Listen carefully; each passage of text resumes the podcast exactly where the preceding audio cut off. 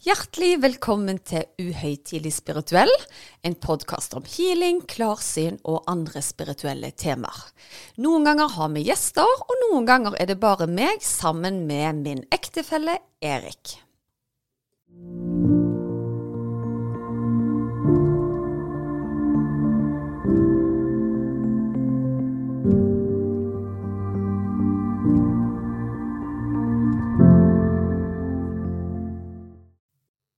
Ja, Susanne, da var vi på gang igjen. Det var vi. nok en kvalitetstime med min kjære. Jeg setter alltid pris på det. Ja, veldig gøy. Hva skjer i dag, da?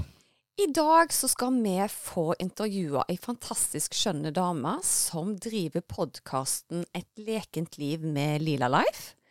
Eh, og jeg var så heldig å gjeste henne for ei stund tilbake, i 2021. Eh, og jeg syns vi fikk en så fin tone. Hun hadde en veldig god sånn, formidlerevne og veldig fine spørsmål.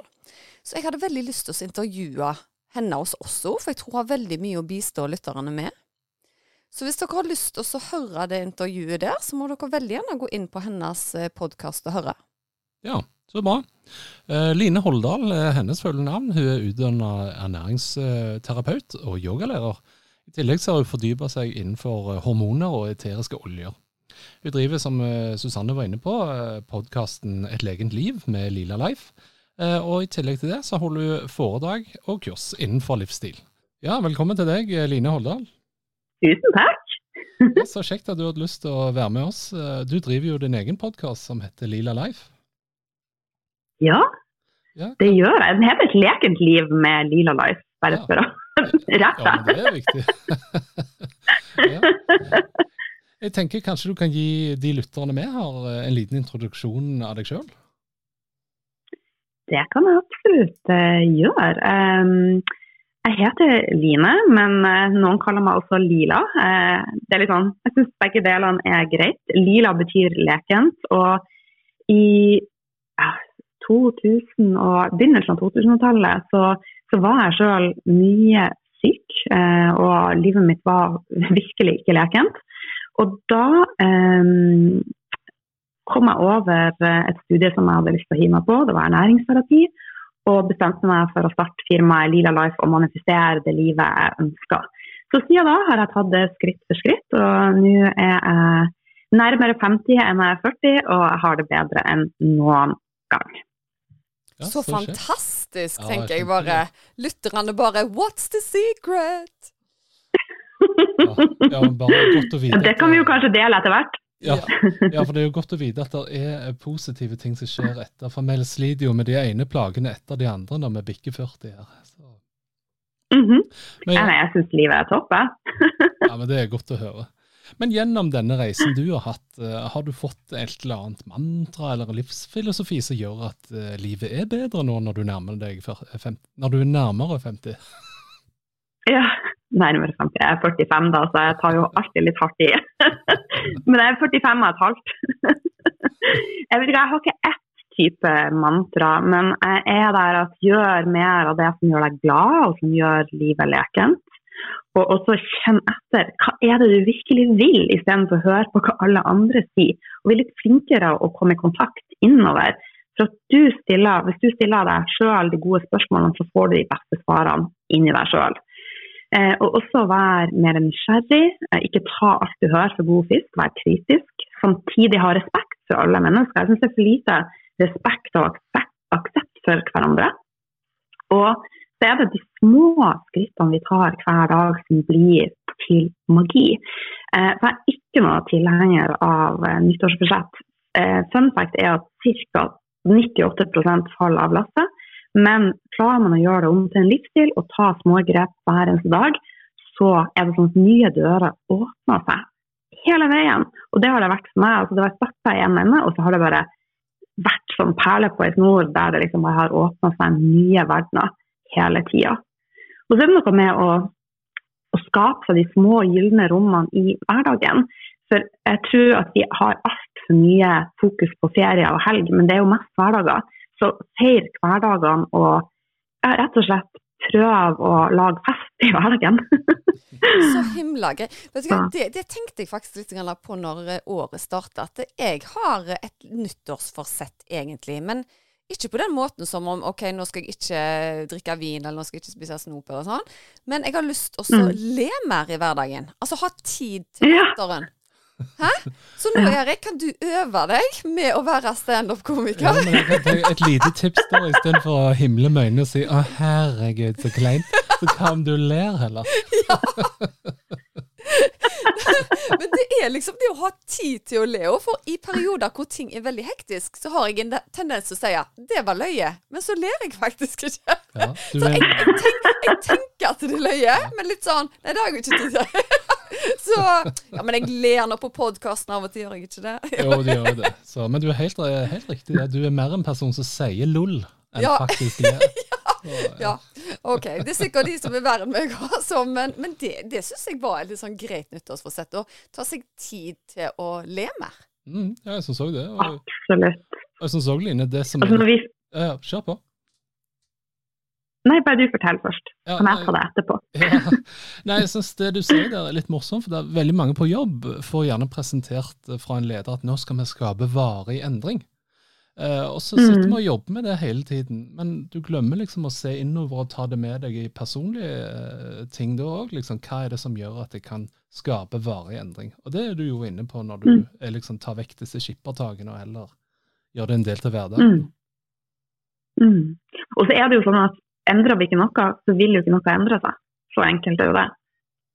Ja, og det aller letteste er jo at alle andre forandrer seg. ja. Og det er jo også noe som jeg har lagt totalt lokk på, at den eneste personen jeg kan endre, er meg sjøl. Jeg slutter å skal prøve å endre andre mennesker. Men med at jeg går innover i meg sjøl og endrer meg sjøl, så vil jo min energi, min tilstedeværelse og det at folk ser at jeg blomstrer, gjør at å, jeg har litt lyst til å gjøre litt mer av det hun gjør. Nei, men så kult. For det er jo på en måte selvhelbredelse, eller healing, det du gjør på, altså over lengre tid, da. For med disse små mm. grepene så blir det jo på en måte en mantra innover til oss sjøl og gi signaler til at kroppen 'nå har jeg det bedre', og derfor vil det være en smitteeffekt utover ordet, altså. Absolutt. Det er godt fanga opp. Så det henger jeg med på. Altså, eh, nå er det jo sånn at Vi har jo både en bevisst del av oss og noe som ikke er bevisst hos den underbevisste delen av oss. Og 95% av det som foregår, foregår fra det underbevisste. Eh, så det er jo noe å komme i kontakt med den delen av oss. Og hvis vi går og sier til oss sjøl at dette er hardt, dette er vanskelig, dette er kjipt, så påvirker det oss mye mer enn vi kanskje tenker, og energien vår. Så gjør vi det motsatte, så vil det jo ha en positiv aspekt. Eh, så det er, det er, så mye som er spennende. Så tidligere så hang jeg meg veldig mye opp i det fysiske og type ting jeg kunne ta i, mat og eh, Men jeg har skjønt at det er så mye større enn det. Ja, og når du er inne på, på dette med, med, mat, så har jo du vært veldig åpen om at du sleit med spiseforstyrrelser i mange år.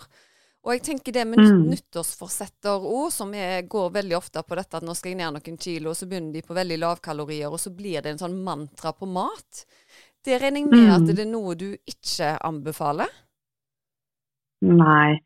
Eh, altså, jeg var jo dronninga av å skulle være av og på og quick fixes. Og eh, det eneste jeg satt igjen med, var jo dårligere selvfølelse for hver gang jeg ikke klarte å gjennomføre det. Så eh, for meg har det vært en nøkkel å for det første bli glad i meg sjøl. Og det har gjort at det har vært lettere å ta eh, mer fornuftige valg. Da. Eh, men eh, spis mer ekte mat. Og, eh, og som jeg sa, samtidig som vi prøver å være, eller er bevisst på hva vi spiser, så det er også rom for å lage fest i hverdagen. Eh, så jeg er blitt veldig mye rausere og varmere og kjærligere med meg sjøl da. Men samtidig så jeg også, har jeg en viss disiplin i det jeg gjør. for at eh, Jeg bruker å minne meg sjøl på at spiser jeg pizza og taco mandag, tirsdag og onsdag, så er det ikke like stas eh, å spise det på fredag og lørdag. Så de kontrastene her òg eh, er fine, syns jeg da. Eh, men et skifte som har vært for meg, er at istedenfor å telle kalorier, så tenker jeg hva er med å bygge meg opp hva bygger opp tarmen min, hva bygger opp hjernen min, hva trenger hormonene mine. Eh, og på den måten så er det litt sånn enklere å være snill med meg sjøl, istedenfor å bare eh, se på meg sjøl som et objekt som skal ned noen kilo. Jeg er jo veldig mye mer enn det, og det er jo alle andre også. Det høres veldig fornuftig ut. Og noe vi har snakket om tidligere, er jo dette her med at jeg tror de aller fleste kjenner på kroppen når de spiser mat som ikke er bra for en. Om du kaller det intuitiv mm. spising, eller om du kaller det en matfilosofi, det, det, er egentlig ikke så viktig. Men jeg tror de, de, aller fleste har det innebygd at vi vet hva på en måte som gjør oss godt, og hva som ikke gjør oss godt, altså. Mm. Mm. Ja, du snakker jo litt om Ja, det er jeg helt enig i. Mm. Ja, Nei, Du snakker jo i podkasten din òg om eh, liksom, viktigheten av å finne ditt hvorfor. Mm. Er, det, er, det, det du er inne på der? At liksom, er det det det innebærer? Altså, mitt hvorfor, det er det som er min ledestjerne, rett og slett. Så på dager der jeg kjenner at jeg kanskje ikke har den motivasjonen og inspirasjonen som jeg ønsker, så minner jeg meg sjøl på mitt hvorfor. Og mitt hvorfor er det som er min inspirasjon til å gjøre denne endringa. Noe som er større enn meg sjøl.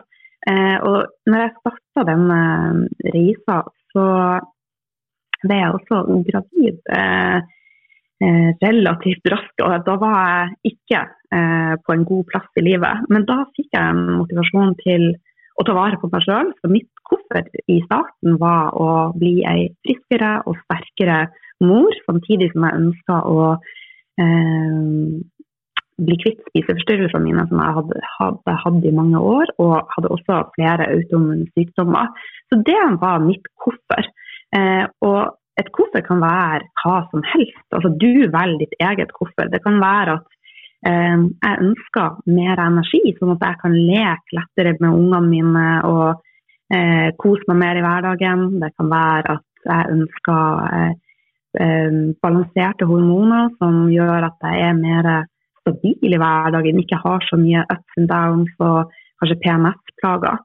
Det, det, her, det endrer seg hele tida.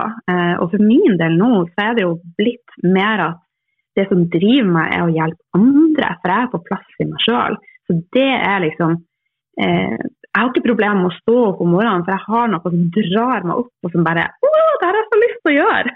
Og jeg har lyst til å inspirere og motivere andre nå, det er mitt hvorfor.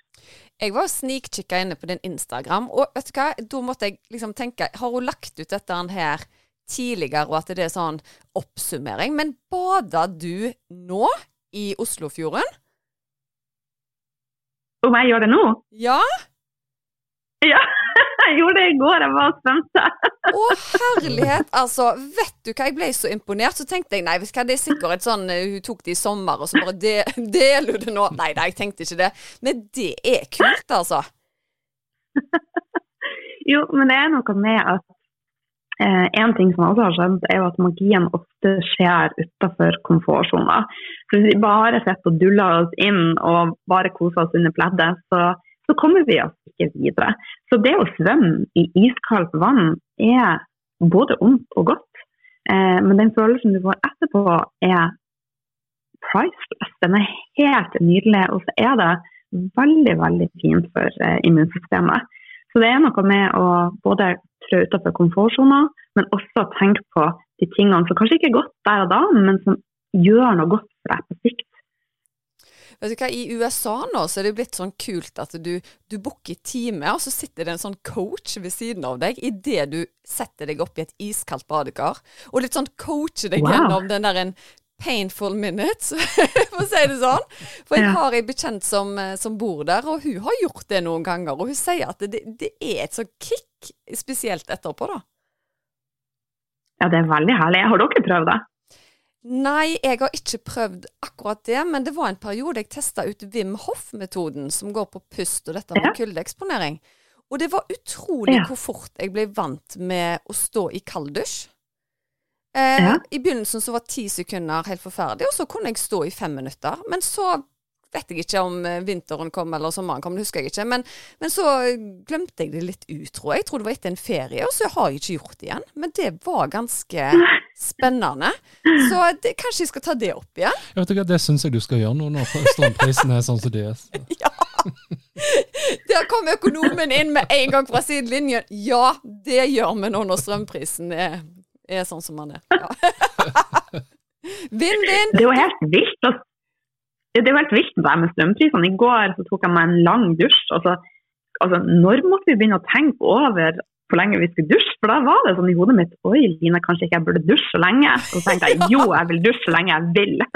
Ja, vet du hva, jeg har gitt blaffen i akkurat det, altså. Men Erik han, han kan minne meg litt på det. Litt sånn, ikke til meg, men du, er det greit at Aurora dusjer to ganger til dagen nå, liksom?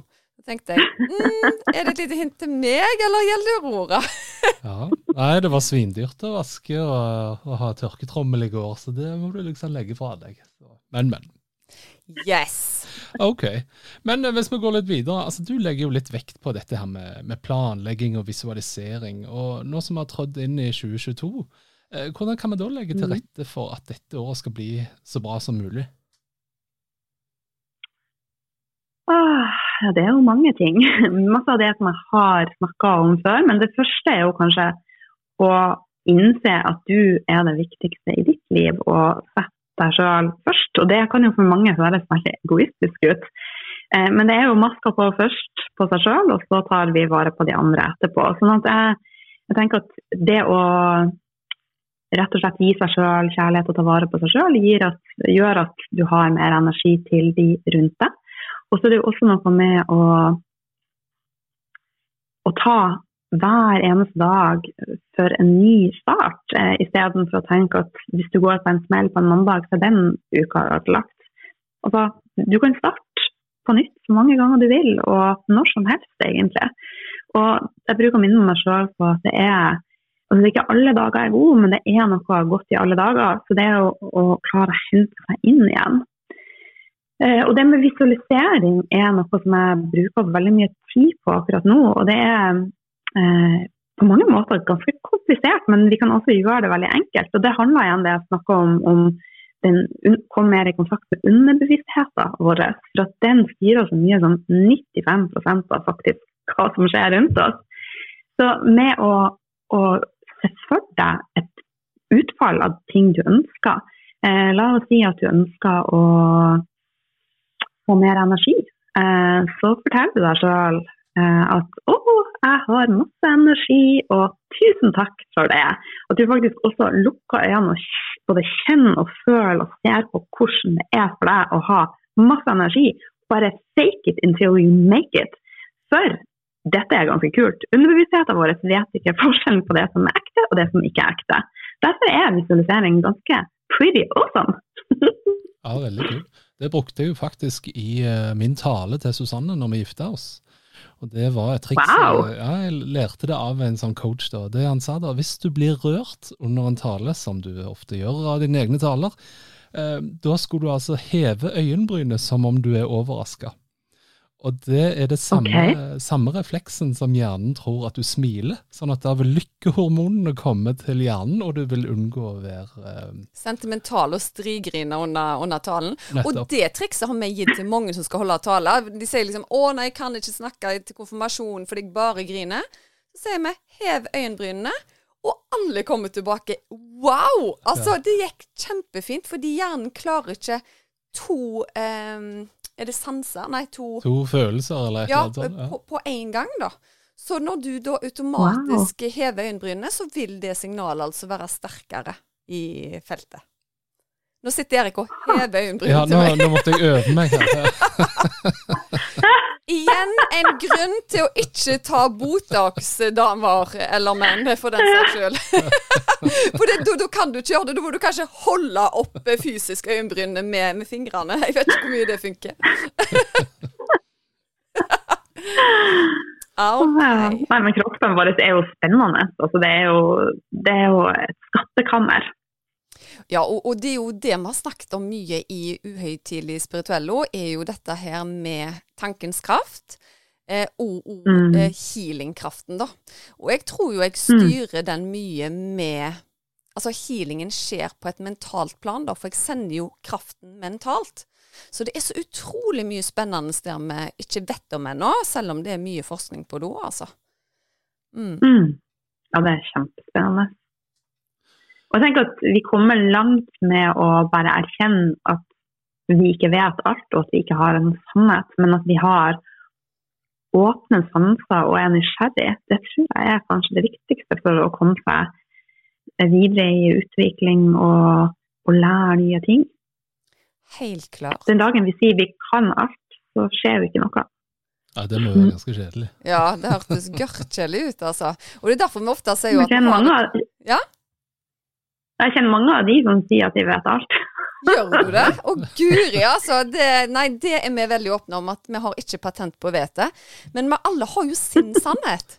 Sant? Vi har vår sannhet i vår opplevelse, og den kan jo ingen ta fra deg. Men vi må jo være åpne for eh, innspill. Og i min verden så utvikler jeg meg hele veien, så sannheten kan egentlig forandre seg underveis òg. At noe jeg trodde mm. på i starten, forandrer seg mot slutten, da. Mm. Jeg tenkte det kan jo endre seg fra dag til dag. Nesten, det. Ja, det kan det. Så det, absolutt. Ja. Med ny, nytt, på, nytt, påfyll. Men har du, Lila, hatt noen noe du kan kalle for en spirituell opplevelse? Eller noe åndelig eller noe uforklarlig? Er det noe du har lyst til å dele med oss? Ja, det kan jeg absolutt gjøre. Jeg kan jo aller først si at uh, eh, 2021 var kanskje det året jeg vil si at jeg hadde en slags spirituell oppvåkning. Og jeg tror at ei helsereise starter i forskjellige ender hos de fleste, og det er jo ikke noe fasit på hvor vi starter. Men det var liksom sånn jeg startet med kostholdet, og så leda det meg til yoga, og så leda yoga meg til naturen, og naturen leda meg til eterisk olje. Og når jeg begynte med eterisk olje, så var det akkurat som det åpna både hjertet mitt, og at jeg kom mer i kontakt med den eh, emosjonelle delen av meg og den limbiske delen av hjernen min. Eh, og det leder meg mer over til det spirituelle. Så jeg tror mange av mine podkastlyttere i 2021 fikk litt sånn sjokk, for jeg begynte bare å prate om spiritualitet. Men eh, jeg syns det har vært helt nydelig å åpne den døra og, og skjønne at dette er så mye større enn jeg egentlig noen gang har kunnet forestilt meg. Um, og jeg hadde jo en snakk med deg, det var jo ganske, ganske heftig. Det var jo før jul. Um, hvor jeg akkurat var flytta til Oslo. Nå bor jeg både i Bodø og Oslo. akkurat nå er jeg i Oslo. Uh, og når jeg flytta hit, så var jeg sjuk med en gang. Uh, og hadde ganske heftige bihulesmerter. Og så skulle vi bare ringe og snakkes om podkasten. Uh, og så sier du Line, jeg hadde tenkt at jeg ikke skulle være på jobb. Eh, men jeg klarer ikke. Er du syk? Jeg, jeg, kjenner at det er noe, det begynner å svette. Jeg svetter i hendene mine. husker du dette? ja, da, ja, jeg husker det. Ja. ja, ja og så var det eh, Så måtte jeg bare fortelle at jeg hadde vondt i bihulene, og så fortalte du meg at eh, du kommer til å bli dårligere nå. Eh, og gjennom natta, og kanskje dårligere òg begynnelsen av dagen, men så vil det begynne å lette. Og det stemte. Så jeg var jo stort sett bra dagen etter. Det var jo eh, min sånn, første opplevelse med type healing, da. Så det var ganske sterkt. Eh, og så nevnte du også etter du sa at du var litt varm i hendene, at du var kald i hendene, og at, da, at vi hadde med oss noen fra, eh, fra den andre sida, at du også refererte til årstall. Og da viste det seg at det årstallet du refererte til, så mista jeg jo tre eh, nære i bilulykke. Så eh, at det er mer mellom himmelen og jord, og mer eh, som vi ikke kan ta i, det er jeg ikke tvil om. Ja, og Det som gjør jobben min veldig enkel når folk eh, har en infeksjon, er jo det at jeg begynner å dryppe i hendene. Så folk litt sånn 'Å, men mm. hvordan kjenner du akkurat at det er en infeksjon?' Da er det altså drypp, drypp. Men det som er litt ironisk nå, da, Line, er jo at jeg blir våt i hendene nå òg. når vi snakker om dette her. Så om det er det at jeg går tilbake i tid nå, eller om det er noe annet knask som uh, gjemmer seg et sted, vet vi ikke. Men det er, det er jo helt klart en fysisk reaksjon på min kropp når eh, klienter eller mennesker jeg omgir meg rundt, har noe som vi må fikse opp i, da. Så jeg var veldig glad for mm. at du mm. følte deg bedre. Ja. Det er ikke uten grunn at jeg skal ha en time hos deg, for jeg har en infeksjon i hånda mi. Nei.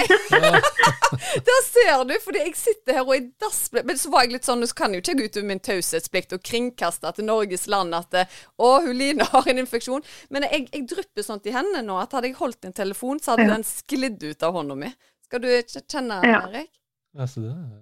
ja, det er akkurat som en sånn seig eh, lotion eh, på hendene. Så, så det, det, er ikke sånn vanlig svette heller. Det, nei, det er fascinerende. Det er det. Men da gleder jeg meg til vi skal løfte deg etter hvert nå. Ja. Ja, men det, altså det som jeg kanskje har eh, Eller det som jeg har gjort med mest erfaring om de siste årene, er jo at eh, mat og trening og sånn er kjempe, kjempeviktig. Men det emosjonelle og den emosjonelle healinga er like viktig.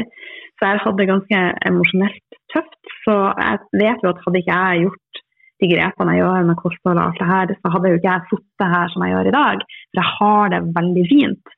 Eh, men igjen, det å komme mer i kontakt med eh, healing, energien inni oss og eh, jobb med traumer sånn, er så utrolig viktig. Og det setter seg fysisk i kroppen hvis vi ikke gjør det. Mm. Helt, helt enig. Og jeg syns det er så fantastisk at sånne som det kan eh, hjelpe folk til å starte prosessen i seg sjøl. For, eh, og det å gå til en healer kan absolutt sette i gang mekanismene sånn at du får deg en kickstart. Men mye av jobben må mm. vi gjøre sjøl i tillegg. Jeg kan fint knipse mm. på en albue sånn at den blir fin, men hvis du hele veien går i gamle mønstre og sliter deg totalt ut i indre krets, så vil det sette seg et mm. nytt sted i kroppen da hvis du på en måte ikke mm. gjør noen endringer i livet ditt, enten om det gjelder dårlige relasjoner, at det er tungt på jobben, at vi har en dårlig livsstil, at vi drikker for mye alkohol, spiser for dårlig mat. Vi må på en måte gjøre noe sjøl, og så kan kraften mm. gå inn og bistå der han trengs utover det, da. Mener jeg. Mm. Ja. Mm. Jeg er helt enig. Ja, ja, nå er du inne på livsstil, ja, Susanne. Og du Line, du har jo snakket mye om dette her med hormonvennlig livsstil. Mm. Eh, hva legger du liksom i det, og hvordan kan vi oppnå en hormonvennlig livsstil? Altså En hormonvennlig livsstil bruker jeg å si at det er, da, er, da, da er symfoniorkesteret i kroppen din samstemt, samstemt, og de kvitrer og danser sammen. um, uh, Nå er det jo sånn at vi um, veldig mange er i et hamsterhjul. Vi er on the go, og vi er i fight or flight-modus. Og det kjenner jeg meg sjøl igjen i at jeg, jeg, kan havne i det mønsteret, men jeg er litt flinkere å bryte uh, ut av det. Eh, og vi har jo et, eh, et hormonteam, og kortisol er et stresshormon som jeg bruker å kalle den dårlige venninna. For at det Eh, når vi stresser, eh, enten det er i form av at vi stresser på jobb, eller at vi springer i hverdagen fra det ene til det andre, eller at vi ja, Uansett hva som stresser oss, så skilles kortisol ut. Og kortisol er ganske dominant, så det holder de andre hormonene nede, både som eh, progesteron og østrogen. Og da er det veldig lett at vi kommer ut av, av balanse. Og dette påvirker jo hele teamet. Eh, og da er vi ikke lenger så samstemt. Og eh, da kan egentlig alle slags symptomer oppstå. Eh, så det er mange faktorer som er med å påvirke eh, hormonbalansen, men det med stress vil jeg dra frem. Og så er det også maten vi spiser. Spiser vi for mye sukker og mye dårlig fett, så vil det gjøre at vi skiller ut mye insulin, og insulin trigger mye østrogen. Eh, får for mye østrogen, så blir det en ubalanse mellom østrogen og progesteron. Eh, og så er det også viktig å tenke på hva vi smør på oss, og hva vi sprayer på oss. For det har også hormonlignende stoffer som kan skjøfle våre hormoner ut av systemet vårt, altså rett og slett ut av balanse. Så det er en helhet. Eh, men jeg tenker at um, opp gjennom årene så har jeg vært Sjøl har jeg fulgt det som heter The Autoimmune Protocol, som er autoimmune protokollen. Jeg har lest bøker om protokoller for hormoner.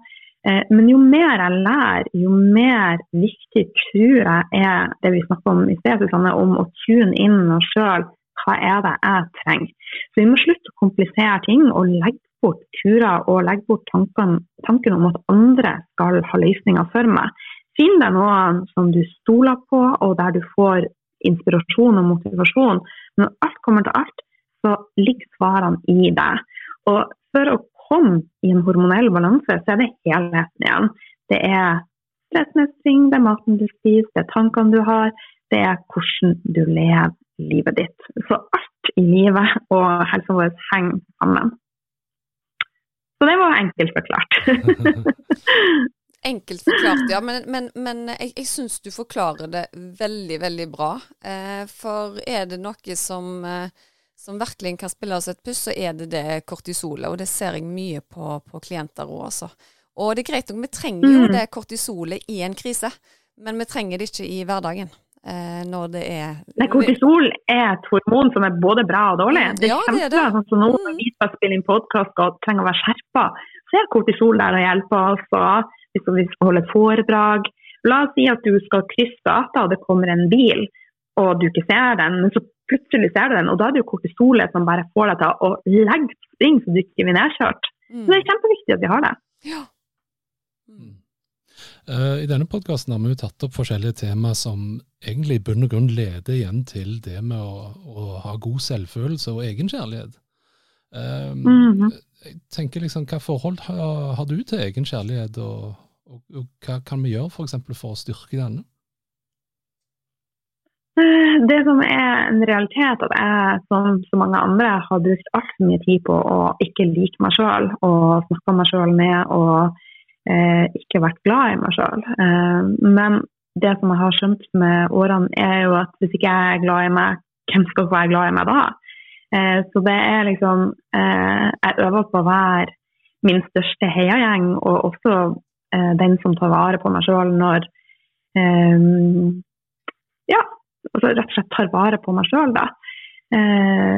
Så jeg tenker at alle tingene jeg gjør i hverdagen for å ivareta meg, er en, en kjærlighetserklæring til meg sjøl. Og jeg ser at det er med å, å bygge opp selvfølelsen. For det er en forskjell på selvtillit. Og selvtillit er type ytre styrt med hvordan du ser ut, og du kan føle deg både eh, fin og flott, eh, men selvfølelsen kommer mer innenfra. Eh, så jeg tenker at det er viktig å ivareta begge delene. Ehm, så de små tingene i hverdagen som å kanskje ta deg et bad med epsomsalt, det er jo det er jo veldig mange som ikke setter tid til seg sjøl, for at de, de, ser ikke at de har tid til det. Men det er igjen en kjærlighetserklæring til deg sjøl. Du bare setter tid til deg sjøl. Og det igjen er, som jeg ser det nå, fundamentet. Et fundament for å klare å gjøre andre endringer og være glad i deg sjøl. Og så bruker jeg å si at hvis det er vanskelig å starte, så i begynnelsen take it. Eh, få gjennom dagen og lager små mantra. At jeg er verdifull, jeg er elskverdig, jeg er alt jeg trenger å være. Litt sånne små ord som pepper deg sjøl opp, men også underbevisstheten. Som igjen forankrer seg i hele deg da, og gjør deg sterkere til å ta neste skritt og ta de gode valgene for deg sjøl. Ja, og så har du vært inne på det tidligere at jo, gjerne, jo oftere en gjør det, jo enklere blir det. Så i starten mhm. er det sikkert veldig ubehagelig å stå i sitt eget speilbilde og si bare fine ting, mens etter hvert så blir det en vane, da. Mm. Ja. ja. Nei, og jeg tenker det... liksom, Vi har jo reflektert litt over at begge oss to fikk jo S i kristendom på ungdomsskolen. ja! Og, og da lærte wow. vi at uh, du skal elske din neste som deg selv. Men så snakket ja. vi om her om dagen at det, det, er jo vel så viktig å elske seg selv som sin neste òg, og det glemmer vi gjerne litt. Mm. Ja, det tenker jeg er ondt. Altså, som jeg sa tidligere, at når du er glad i deg sjøl, så er det enklere å elske andre. Mm. Så tenker at det er veldig sammenfletta, da. Og det å være glad i seg sjøl og elske seg sjøl, det er ikke egoistisk. Det, det er det er rett og slett viktig. Veldig, veldig viktig. ja, nei, absolutt. Så, og hvis vi tenker litt videre, og uh, en ting som folk kanskje sliter litt med, og du nevnte det innledningsvis, at du har det veldig bra nå når du er nærmere 50 enn 40. men du hjelper jo andre òg å omfavne det og liksom, bli eldre. Og hva tanker og råd har du i forhold til dette? Mm. Eh, og det å eldes blir jo ofte oppfatta som noe negativt. Eh, og det florerer med sånn der det står anti-aging tips.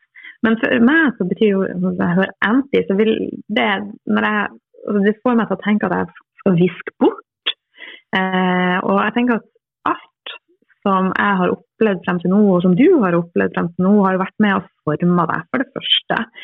Så det er jo noe mer å Jeg har bestemt meg for å eh, slutte å bruke ord som anti. Altså, det klinger rett og slett ikke bra i ørene mine. Og jeg slår meg til ro at det å eldes er en naturlig del av livet. Og jeg øver på å være stolt av det jeg har levd, og, eh, og, og møte som kommer med mer kjærlighet. Eksempelvis var jeg blitt veldig veldig grå i, i håret. Um, og jeg slutta å farge håret mitt. Uh, og, og, også det å se på rynker som et lite kart over ting som vi har opplevd, istedenfor, for, som noe negativt. Um, men igjen så er jeg veldig opptatt av at um, vi må ikke dømme så jeg, syns ikke det er galt om noen velger å ta Botox eller Restylan. La det være for at du sjøl virkelig, virkelig ønsker det. Ikke gjør det for at du føler et press fra andre, et press for at du skal se ut sånn og sånn, eller for at du har en dårlig selvfølelse. Eh, så jeg er veldig for at vi, eh, at vi, lever i et fritt land, og at folk må få lov å være seg sjøl. Eh, men det aller viktigste for meg for å ivareta meg sjøl, er jo de tingene jeg gjør i hverdagen. Vi kommer tilbake til det. Og helse er for meg en følelse. Så um, de små tingene jeg gjør, er med å embrace hele meg, da. Um, og så syns jeg at det å eldes faktisk er ganske fint. Uh, jeg vil ikke gå tilbake og være 20 og usikker som jeg var og være full av spiseforstyrrelser. Så det, det har gitt meg en, eh, en, modenhet som jeg liker. Så det er noe med å, å tenke at livet det går i faser. Eh, og, og nyte å være til stede i, i, de forskjellige fasene som kommer, på godt og vondt. Mm. Så enn dere, da? Hvordan eh, er det for dere? Syns dere det er vanskelig å Er dere òg i 40-åra? Ja, vi har blitt 40 begge to. Vi er jo akkurat like gamle. Men Erik, han ble, du ble litt grå i 18? 18-årsalderen, du? Ja, første grå håret fikk jeg da jeg var 18, ja, husker jeg. Og, så det utløste jo 15 år med farging av hår. Eh, så jeg kjenner, ja. kjenner, meg jo veldig igjen i den der befriende følelsen som, eh, som, du sa når du slutter å farge håret. da, liksom at eh, Love me for me. Ja, nei, men du, nå, vet hva, nå skal sant sies. Nå skal ikke jeg være djevelens advokat der, men menn med grått hår det er veldig mye mer akseptert i samfunnet enn damer med grått hår. Eh, heldigvis er det begynt å bli mye bedre, og så er det forskjell på hvordan en bærer det grå håret. Altså. En trenger ikke å ta verdens verste eh, frisyre idet du blir grå. Eh, er du litt kul person med grått hår, så ser det jo kjempefint ut. Men du ser jo dritbra ut med grått hår, eh, Erik. Og jeg har aldri lagt merke til at du har grått hår, eh, Line. Du ser jo bare smashing ut, så jeg har aldri tenkt over det engang. Nei, det er, det er, ganske grått, altså. Eh, men det, det blender seg ganske naturlig inn i min litt sånn kommunegrå farge. Så det blir alt i alt en ganske kul farge.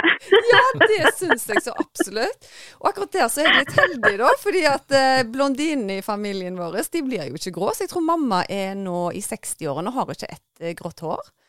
Så jeg får håpe oh, jeg har arva det. Men når det kommer til litt sånn det å eldes, så må jo jeg innrømme at eh, det jeg syns er den vanskelige biten med å bli eldre, har ikke så mye med uttrykket av grått hår og sånt å gjøre, men det er det at vi har mista ganske mange unge i familien. Og det, den følelsen av å ha litt dårligere tid da, i, i livet. Så den har jeg måttet jobbe litt med. For broren til Erik døde når han var 30 år gammel. Pappa døde når han var 50 morfar tidlig i 60-årene. Så, så, det har nok vært noe som jeg har eh, måttet jobbe litt med. At eh, selv om vi har mista folk unge, så betyr ikke det at jeg har eh, superdårlig tid, altså. Så mm. mm. Ja. den ser jeg. Eh, men igjen så er ikke det noe fasit. Eh, Nei, det er ikke det. Mm. Nei. Så, så jeg tror nok det, det er litt sånn forskjellige aspekter med det å, å ellers. For vi har jo lyst gjerne, eller de fleste tror jeg har lyst til å bli så gamle som mulig. Og få oppleve både barn Mm. og barnebarn og, og den biten der. Men heldigvis er jeg så det- Ja, sant? Eh, men så Ja. vet jeg jo at jeg kommer til å bli steingammel. Jeg har bare ikke lyst til å bli steingammel alene. så det er viktig også å få Erik i form her òg nå, sånn at han holder ut like lenge som meg. Du, hva du sier, Erik? Er du ikke i form? Tar du ikke vare på deg sjøl? Nei, nå er jeg satt på lavkarbo og all verdens her, så jeg vet ikke jeg hva, hva jeg skal forandre nå. Det blir vel varig endring denne gangen. Det er varig endring nå, ja. Nei, vet du hva, Heldigvis har Erik funnet på helt sjøl at uh, han syns at uh, det kostholdet jeg har, gjør veldig godt. Og da sa han sjøl nå at eh, nå er tiden inne etter julen å gjøre grep. Og jeg, jeg merker forskjell på deg allerede, altså. Ja, men det er bra. Yes. Over til noe litt annet. Vi er jo fra Stavanger, og vi er jo veldig glad i olje. Men du nevnte tidligere at du hadde fått øynene opp for olje. Men det er ikke helt sånn olje vi snakker om. Kanskje du forteller litt mer, mer om det? Det er jo litt artig. Det er mange som bruker å kalle meg oljedronninga. Eh, Nei, jeg er veldig glad i eh, eterisk olje. Og livet mitt har jo, som sikkert livet til mange andre, gått opp og ned. Og eh, selv om min helsereise starta i begynnelsen av eh, det startet vel 2003, der jeg gjorde endringer med kostholdet, da la jeg om til lavkarbo. eh, og eh, så fikk jeg i 2013 igjen ME-diagnose, for at jeg var rett og slett ikke flink nok å ivareta hele meg da. Og i 2017 så kom jeg over eterisk olje og ble helt frelst. For det var, det var akkurat som det var den nøkkelen som mangla. Eh, så siden da, det var sånn, det bare skjedde av seg sjøl, så begynte jeg å jobbe med eterisk olje. Um, og det har vært med å, å løfte helsa mi til et, eh, et nytt nivå. Og jeg bruker å si at eterisk olje det er essensen av natur, for det er jo utvunnet, utvunnet av forskjellige bestanddeler i naturen. da. Så Det er jo rett og slett peppermynte i komprimert form på ei flaske, eller så har du rose. Altså fem milliliter rose, altså eterisk olje, så går det ca. 200 000 roseblad med på lag. Det er veldig, veldig, veldig potent. Og det som er så genialt med de eteriske oljene, er at du de påvirker oss som mennesker både eh, via luktesansene, du kan bruke det via huden, og du kan også, hvis det er helt rene eteriske olje og med god veiledning, bruke det innvortes. Så det er et, et veldig fint verktøy både for å jobbe med den fysiske, men også psykiske og emosjonelle og spirituelle delen av da. Mm, Ja, veldig kult. Um, ja, veldig kult. Og jeg, jeg, skal, er det ikke spesielt den peppermynten som er anbefalt i forbindelse med forkjølelser og virus og sånn, eller tar jeg feil da? Den og mange, mange andre. Og det er jo sånn at um, alle eteriske oljer er unike og har en unik kjemi. Eh, så både oregano og timian, og så har du en blanding som heter On Guard, som består av bl.a. Eh, kanel, den består av ingefær, den består av den står litt stilt i hodet, men består av fem forskjellige ting. Men mange av de eteriske oljene har egenskaper som er eh, med å, å støtte prosessen eh, med å bli kvitt virus, rett og slett. Så jeg bruker det, Hvis jeg kjenner at jeg brygger på noe, så bruker jeg eterisk olje som, eh, som supporter, og det er magisk. Peppermynte er Der kan jo gå på PubMed og, og finne forskning på at eh, det med å øke oksygenopptaket vårt med opp mot 30 så Det gjør jo bl.a. at når vi trener, at vi puster friere, vi får mer, opp, altså et bedre opptak av oksygen. Eh, og det er med også å, å ja, får oss mer konsentrert og øker kapasiteten vår til innlæring. Så det er ganske magisk. Spennende. mm, veldig kult. Ja. Jeg syns jo dette med lukt, bare det, er veldig fascinerende. Altså, nå, vi er jo veldig glad i å reise til Thailand, og da kjøpte vi en liten flaske med sånn sitrongresselukt. Og hver gang jeg savner mm. Thailand, så tar jeg bare og åpner den og lukter litt, så får du liksom Du føler nesten du ligger der i solen, liksom, og, og kjenner disse duftene. Mm. Så jeg kan tenke meg disse eteriske oljene, hvordan de egentlig påvirker sansene til det positive. da. Mm. Og Det som skjer når du lukter på denne flaska med sitrongress, det er at eh, For det er jo en form for eterisk olje du lukter på, vil jeg tro. Ja. Eh, og det er molekyler i her som fester seg til reseptorer, bl.a. i nesen vår, og som beveger seg da. Og så når det den limbiske delen av hjernen, og der lagrer du dine følelser, både gode og dårlige. Så da vil du få opp de her følelsene og minnene da fra Thailand. Så Det er rett og slett at du ved hjelp av denne lukta kommer i kontakt med den limbiske delen av hjernen din. Så det er litt sånn science fiction på et veldig kult nivå. wow, Vi burde lukta på den verden. Vi, vi, har de mest fantastiske eh, feriene i Thailand. Vi er så harmoniske med det at vi kunne bare bodd der gjennom året, tror jeg. altså. Ja.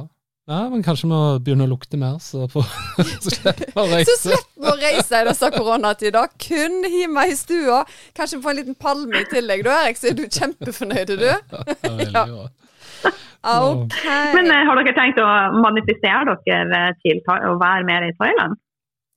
Vet du hva, eh, akkurat nå så føler jeg vet du hva, Vi har, jo ikke tid til å reise noe, noe sted. Eh, og så er det det må ta seg tid, da. Men nå, nå, er det så mye gøy med jobb, med podkast, at det, de to siste årene mens det har vært korona, så har gjerne behovet ikke vært så stort for å komme seg vekk som det har vært tidligere.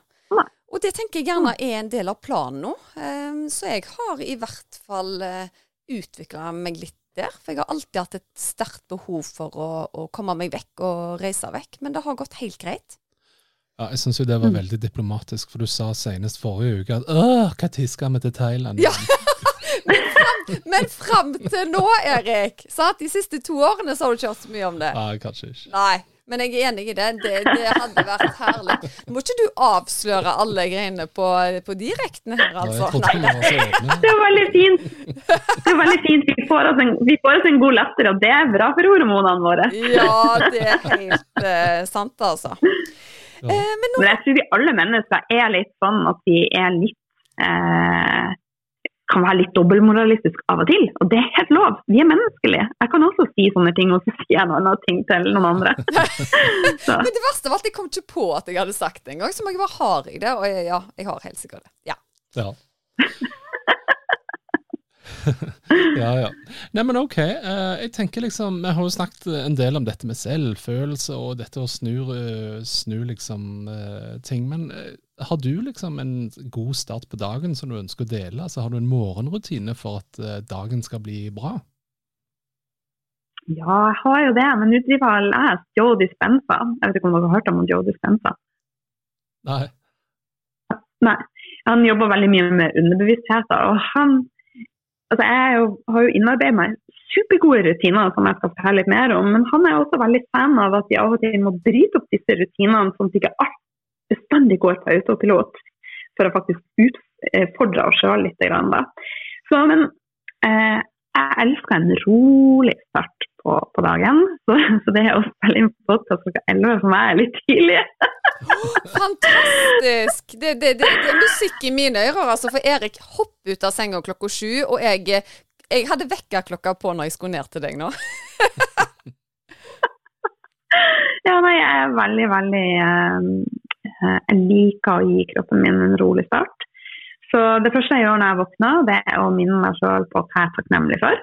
Så jeg tenker på tre ting, og så eh, tasser jeg gjerne på kjøkkenet og lager masse sitronvann og gjør oilpulling.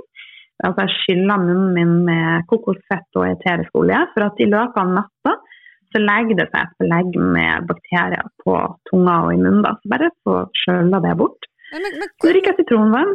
Men, men, hvordan legger ja. du det i munnen? For jeg bruker jo mye kokosfett og kokosolje. Men tar du det bare rent i munnen da? Jeg tar en teskje og så tar jeg den i munnen til det smelter. Og så tar jeg en dråpe med On Guard eller Nellik eller frankincense. Det er liksom mine favoritter. Og så går jeg og gurgler det mens jeg lager da, eh, sitronvannet og frem til jeg er ferdig med det. Så Det har jo ikke vært innom, men mikrobiomet vårt er jo veldig avgjørende for helsa vår. Så vi har jo eh, det som heter et mikrobiom, eller i større eh, perspektiv holy biome. Vi har bakterier, vi har virus, protozoa. Eh, altså, dette er overalt på oss. Og det er så viktig at det er balanse her. Eh, og det syns jeg er veldig lite fokus på nå i disse tider med eh, korona. Hva vi sjøl kan gjøre for å balansere mikrobiomet vårt. Og hva vi kan gjøre for å faktisk eh, få et sterkere immunsystem. Så det var jo litt av sporing. Så drikker jeg sitronvann, og så mediterer jeg gjerne. Um, og så bruker det å gå litt tid før jeg spiser. Uh, men nå driver jeg og øver på å spise litt tidligere. Ikke uh, Jeg er veldig fan av periodisk faste. Det, jeg har lyst til å fortsette med periodisk faste, men jeg har liksom hele tida dratt måltidet senere og senere og senere. Så plutselig så var jeg liksom der at jeg spiste frokost ett-to-tida. og det tror jeg kan gjøre noe med biorytmen vår. Sånn jeg vil snu eh, rytmen i forhold til å komme meg tidligere i seng og eh, tidligere opp. Så Derfor prøver jeg nå å spise litt tidligere i håp om å klare å snu den. da. Gud, hvor jeg skravla! Jeg syns det er helt, helt eh, fantastisk. Og jeg og Erik hadde jo senest en samtale om det i går, fordi jeg mener jo at min kropp fungerer bedre uten mat morgen og formiddag. Jeg har et helt annet gir mm. hvis jeg utsetter det måltidet. Men der er vi nok forskjellige, altså. Jeg har en god venninne som sier at vet du hva, spiser ikke jeg frokost, så har jeg ingenting å gå på resten av dagen, og har prøvd det. Mens med meg så er det mm. motsatt, altså. Mm. Mm. Så jeg er fan av vi er forskjellige. Vi er forskjellige, men samtidig så kan jo også da eh, det være ubalanse som ligger i grunnen. Hvis man har f.eks. mye sopp i kroppen, eller har et mikrobiom som er helt ute av balanse, så vil det være vanskelig å gå uten mat. For da skriker soppen, da skriker bakteriene etter mat. Og da vil du føle et enormt sultbehov. Og det samme hvis du har et veldig svingende blodsukker. Eh, la oss si at du har insulinresistens. Det vil være supervanskelig å gå uten mat. Så det er igjen å klare å vende kroppen på å takle fettforbrenning også. Så tror jeg de fleste vil ha opplevd ting annerledes. Mm. Men du er jo utdanna ernæringsterapeut, forstår jeg. Eh, er det sånn at du ja. tar med deg disse ernæringsrådene med hjem, eller eh, er det litt sånn skomagerens barn? Om jeg tar de med meg hjem? Ja, altså, hva, hva spiser du typisk i løpet av en dag? Å oh, ja, sånn sett, ja. eh, ja. Uh, frokost i dag spiste jeg jo faktisk frokost før vi, vi eh, starta. Og det Da spiste jeg kokosyoghurt med litt chia. Chiafrø. Og så hadde jeg blåbær og hakka nøtter over. Um, så det kan være én dag. Et annet typisk frokost er avokado og egg. Um, jeg lager meg også type mye smoothie. Men mitt sånn typiske kosthold består av rene råvarer. Så jeg spiser mye grønnsaker, mye um, kjøtt, men av god kvalitet. Jeg er veldig opptatt av når jeg spiser kjøtt at det er fra dyr som har fått lov å borte seg ute og har fått godt fôr. Um, jeg er opptatt av å få i meg nok fett, men fett av god kvalitet. Så jeg spiser et eh, variert kosthold, eh, men jeg unngår poser, glass eh, som inneholder mye navn som jeg ikke vet navnet på og ikke skjønner hva er. Og jeg skjønner det, for jeg har nerder, men de færreste er klar å sette inn i alle disse E-stoffene. Så rett og slett eh, mest mulig fra jord til bord. Eh, men jeg er ikke fanatisk. Eh, men jeg er litt, veldig veldig flink på å lytte til min egen kropp. Så eh, hvis jeg går på en type eh, pizzasmell eller eh, issmell, og sånn, så har jeg det ikke så veldig godt etterpå. Så Derfor så blir det færre og færre av disse tingene. For at jeg er litt opptatt av hva får meg til å føle meg bra nå, og hva får meg til å føle meg bra på sikt. Så jeg har liksom funnet ting som jeg koser meg med, som gjør at jeg føler meg bra her og nå, og også på sikt. Så når jeg spiser snop, så er det gjerne snop som jeg kjøper som inneholder mindre sukker, kanskje laga på dadler istedenfor sukker. Og ja. Så eh, spis som en ernæringsterapeut, rett og slett. Det hørtes eh, både sunt og veldig godt ut. Altså Hadde du vært kokken hjemme hos meg, så hadde jeg fått et bedre liv, tror jeg. Jeg elsker å lage mat. Det er så synd at eh, jeg liksom vokste opp med ikke noen som elsker min mat. Nei. Den er jo veldig ærlig. Ja, men jeg tror ingen, ingen i, i hvert fall vi som er født tidlig på 80-tallet, er vokst opp med husmannskost, altså. Så veldig annerledes enn det jeg spiser i dag òg. Mm. Mm. Ja. Yes. Men jeg tenker liksom eh, Hvis vi går på liksom dette det psykiske og sånne ting, hvis du opplever noe på dagen som gjør at liksom «Åh, dette var nedtur, hva gjør du egentlig? Hva er det beste tipset du har for å egentlig snu den dagen til noe, noe positivt? da? Mm. Um, jeg tror en ting som uh, vi alle kan lære litt av, er å ikke undertrykke følelser. Jeg tror det er viktig å møte de følelsene som kommer. For vi har jo et register av følelser. Vi har glede, vi har sorg, vi har nedstemthet, vi har skinne. Uh, og um, det er veldig mye fokus på high, high vibe og positive vibes. og eh, det er viktig, men det er også viktig å møte de følelsene som kommer. Hvis ikke så undertrykker det. Så føler jeg på at jeg er lei meg eller eh, jeg er sint, så, så møter jeg det. Men så har jeg masse eh, teknikker og ting som gjør at jeg kan snu det. Og da minner jeg meg sjøl på at jeg kan snakke om så mange ganger jeg vil. Og en ting som um, jeg ofte gjør da når jeg har møtt disse følelsene, er jo å, å prøve å få et skifte i dagen min.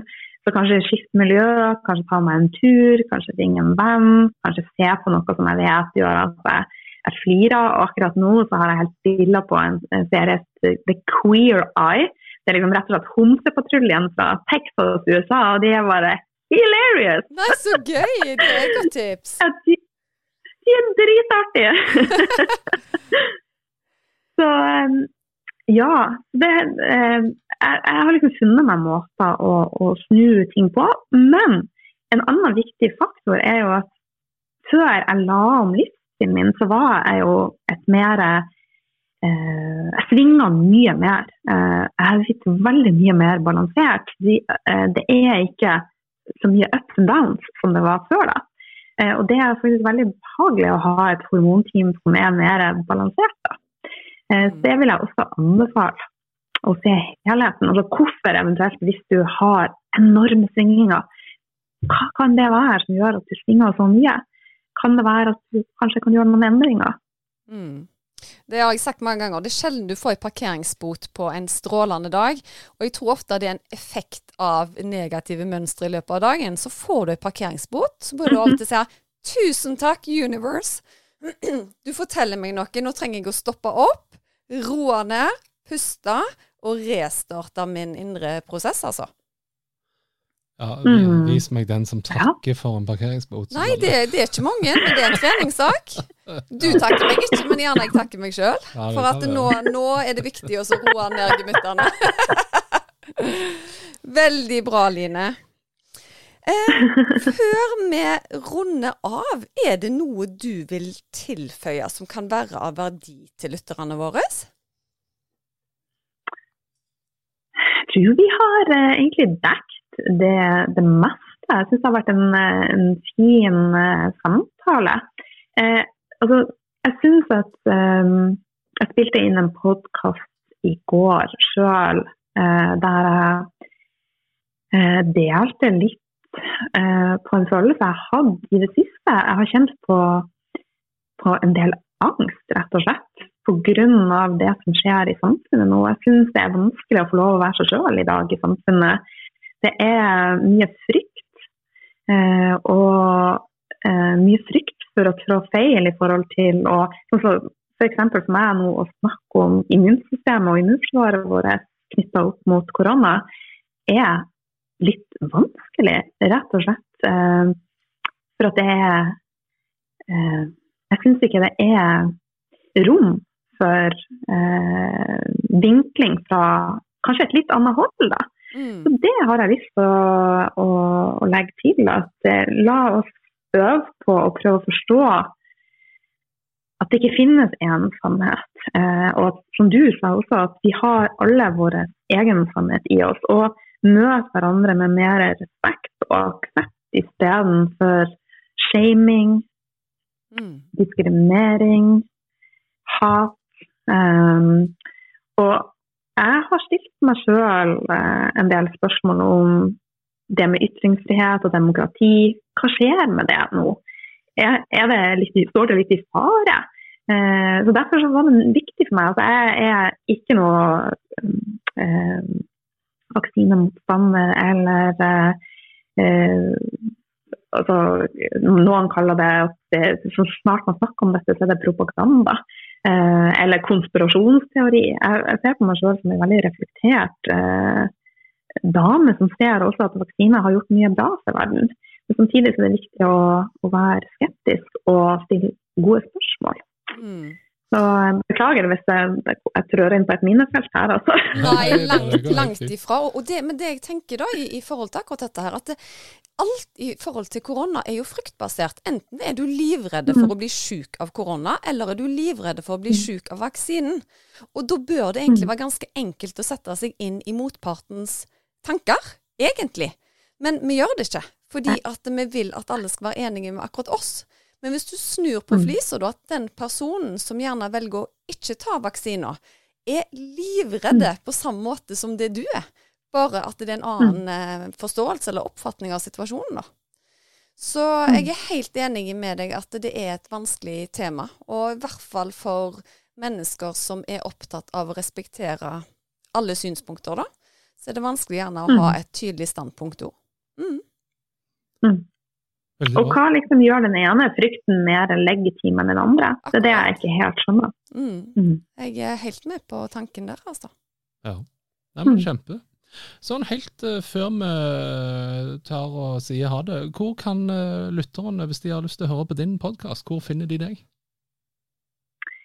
Uh, den heter Et lekent liv med Lila Life. Du finner den i alle kanaler, iTunes og Spotify. og Ellers så henger jeg jo mye på Instagram som lila-life. Jeg elsker Instagram.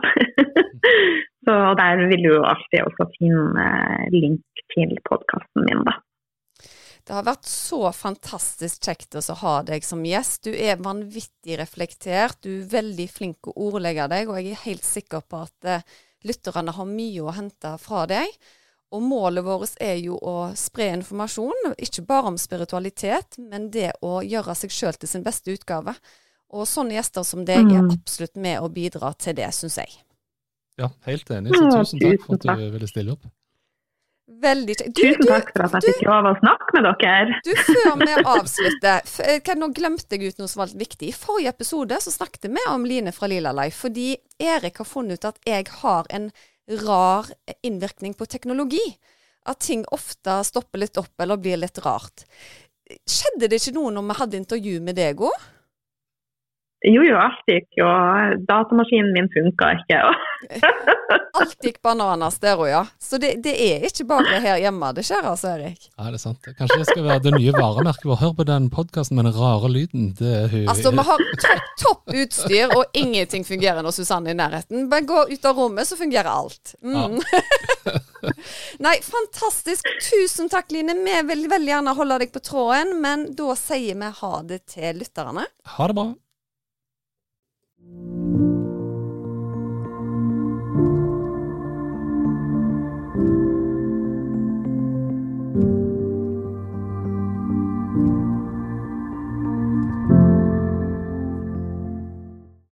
Visste du at du kunne ta kontakt med meg hvis du ønsker å få satt opp en personlig healingplan?